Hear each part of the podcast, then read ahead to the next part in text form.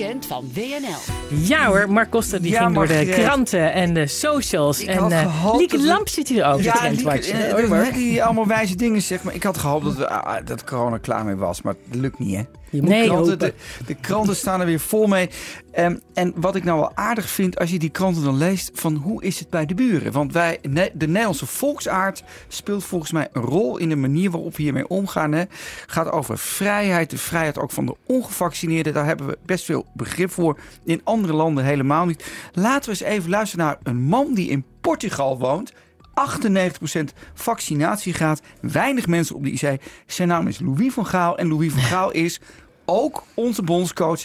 En misschien ook wel een beetje de schaduwpremier. Meneer van Gaal, wat zegt hij? De Portugees is volgzaam. En eh, die gaat echt niet eh, discussiëren of hij een kapje op moet zetten of niet. En dat is het grote verschil. De regels worden gewoon opgevolgd en er wordt ook gehandhaafd. Ja, het is een heel ander volk als het Nederlandse volk die altijd denkt het beter te weten. Nou, ik, eh, ik eh, denk het ook eh, veel beter te weten, maar dan heb ik er verstand van. Ja, dus dat is heel grappig. Kijk, en, de, de- discussie die hiervoor werd gevoerd met Lieke over van hoe, hoe komen hier nou uit? Ja, volgens mij, je moet volgens mij elk land toch ook een beetje zijn volksaard checken. En er zat een geweldig verhaal in de Volkskrant. Ik vind dan zo'n soort Gullivers reizen van de coronatijd. In Zweden eigenlijk een liberaal, sociaal-democratisch land. Weinig gedoe. En mooie verklaring. De Zweden zijn een beetje kil tegen elkaar. Die houden altijd al anderhalve meter afstand. Vind ik een geweldige verklaring. Dan gaan we naar Engeland. Ja, een beetje de open society, zeer liberaal. En daar hebben ze eigenlijk een beetje de strategie van... negeren is de halve genezing. Hè? Van nou, er worden mensen ziek. Ja. Die vangen we op. En wat Lieke ook een beetje zei van ja, wat is de capaciteit? Vond ik grappig.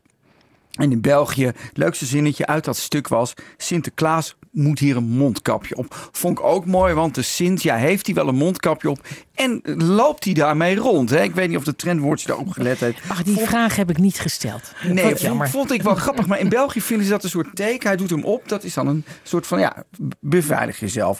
Ehm, nou goed, dan zijn we bij Sinterklaas aangeland. Wat mij betreft het leukste interview is toch met de schimmel van Sinterklaas. Hij praat natuurlijk zelf niet, maar zijn verzorger wel. Daar is hij. Het paard waar het allemaal om draait. De 12-jarige Ruin staat slechts achter een dun kettingje in zijn stal. Als de schimmel zou willen, zou hij gemakkelijk kunnen uitbreken. Maar dit paard, waarvoor eigenaar Arjen de Jong superlatieve tekort komt, gaat nergens heen. Met zijn hoofd wrijft hij tegen de schouder van verzorger Michelle. Nou is het mooi dat hij eigenlijk Ico heet, maar hij heeft dus een nieuwe naam. Hè? Oh zo snel. Opvolger van Americo, die ook daar in Muidenberg in de stal stond.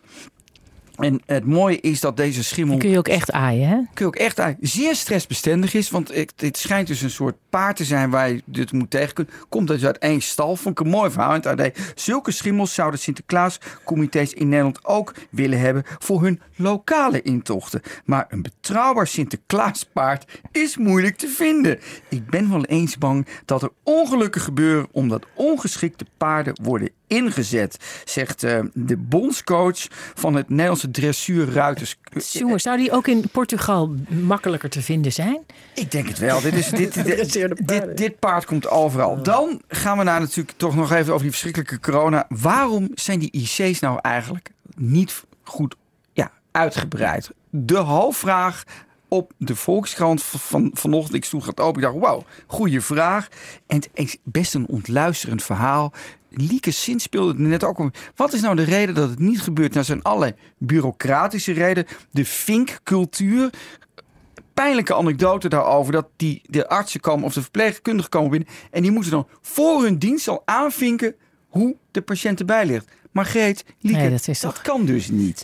En er zijn dus ook Maar hele logboeken. Ik weet het, mijn moeder lag in het ziekenhuis. En elke een logboek met wat ze at en maar hoe ze sliep. En weet ik voor de dienst. Dus Ja, er zijn dus verpleegkundigen die zeggen... Ja, ik- weet niet hoe, hè, hoe, eh, mevrouw Spijker er vanochtend bij ligt. En die protesteren. Maar wat gebeurt dan? Dan gaat het alarm af in jouw computer. Ho, ho, spijkertje. Eerst de boel invullen. Dus wat krijg je? De bureaucratie is een grote hiccup voor deze mensen. En het gevolg ervan dat die verpleegkundigen daar geen zin meer in hebben. 70.000 tekorten, hè? Ja, Ja, dat en is wel ik, heel dat, groot. dat loopt nu alleen maar op. En dat is zo zonde. Ik sprak toevallig van de week Gommers bij een, eh, bij een congres. En die zei, als geef mij 200 IC-bedden en we zijn klaar.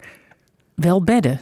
Ja, 200 bedden, IC-bedden. maar- Maar, maar dat gaat toch om het nou ja, personeel met, met steeds? verpleging erbij. Dus Oh, dat had je nee. dan moeten Ja. zorgen. Hè, maar waar we nu allemaal, al die regelingen die we bezig zijn, dat hele volk wat we met 2G eigenlijk tegen elkaar opzetten, dat had je dus kunnen voorkomen als je op een goede manier personeel had eh, geworven. En als je had gezorgd dat inderdaad dit soort handelingen eh, wegblijven. Ja, Laten maar we dat- even luisteren naar maar waar dat- zij ze, waar, waarom zij weggaan uit de zorg. Nou, het, de- vooral vanwege dit. Dus ze willen het liefst die hulp bieden, maar die moeten, dan, Ja. moeten eerst een vinkjes doen. Maar wat ook mooi is, dat die ziekenhuizen onderling eigenlijk ook concurreren met elkaar. Van wie pakt nou die verpleegster? Ook omdat die hele financiële stromen ook niet eenduidig zijn. Dus is een soort concurrentie tussen die ziekenhuizen, waar ook weer een vinkcultuur is, waardoor de patiënt eronder lijdt. Ik vond het een onthullend verhaal en er stond En ook de paar- barman en de jongeren die niet eh, ja, maar het het is echt goed is van de Volkskrant dat ze gewoon een vraag stellen. En dat, Ja. maar goed, dat, maar mijn journalistenhart gaat dan open. En denk, nou, dat vind ik nou goed gedaan. Dat ze dan gewoon het helemaal hebben afgepeld van wat is er nou gebeurd. Nou ja, en het is versnellend. Hè? Ik heb zelf een dochter die met zorg en welzijn een opleiding volgt. En die zoekt een stageplek. Zou je denken, nou, die kan overal terecht. Ja. Nee, want iedereen heeft het te druk. Alle handen zijn bezet. Verpleegsters hebben geen zin in een stagiair erbij.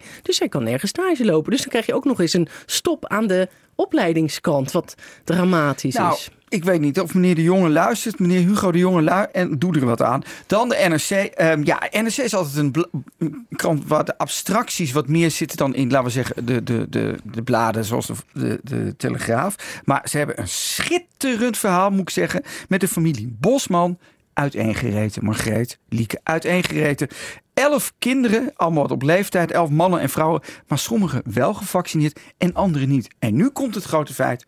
Het grote verjaardagsfeest van boer Piet. Die wordt, ehm, ik weet niet hoe oud hij wordt, maar hij wordt in ieder geval behoorlijk oud, in de 80. De helft komt niet en de andere helft komt wel. En de NRC heeft de beste interview daarheen gestuurd. eh, Jannetje Koelewijn. En die heeft ze bij elkaar geïnterviewd. En dat hele interview, dat ontspoort helemaal. Ja, jij met je gedachten over waarom je me niet laat vaccineren. En eh, Carla is dan de grote opstandeling die dat vaccin niet wil. En zegt, in maart 2020 geloofde ik al dat er meer in het spel was dan alleen corona. Er zou heel lang een beweging gaan om een wereldregering te vormen. Daar verdiepten we ons al in. Ja, we Eerst weer. had je de VN, toen de Club van Rome en nu heb je het World Economic Forum van Klaas Schwab. Armoede bestrijden, het klimaat redden, klinkt allemaal mooi. Maar het doel is om iedereen onder controle te krijgen. De broer Henk, wel gevaccineerd. Verjaardag is, feest is uitgesteld. Mijn grootste bezwaar is dat deze mensen vertrouwen zaaien.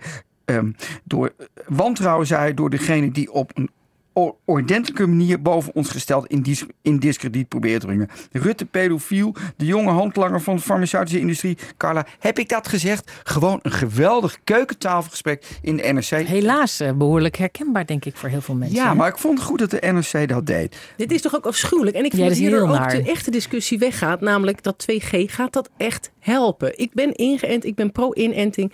Maar stel nou, durf nou ook de vraag te stellen. Gaat dat 2G echt helpen? We hebben, je zegt dan net van eh, Portugal, die heeft eh 98 procent. Spanje heeft 90 procent. Daar is het ook allemaal veel minder erg. Wij zitten op 85, dus dat scheelt met die 90 van Spanje niet zo heel erg Nou, veel. dat scheelt geloof ik net te veel.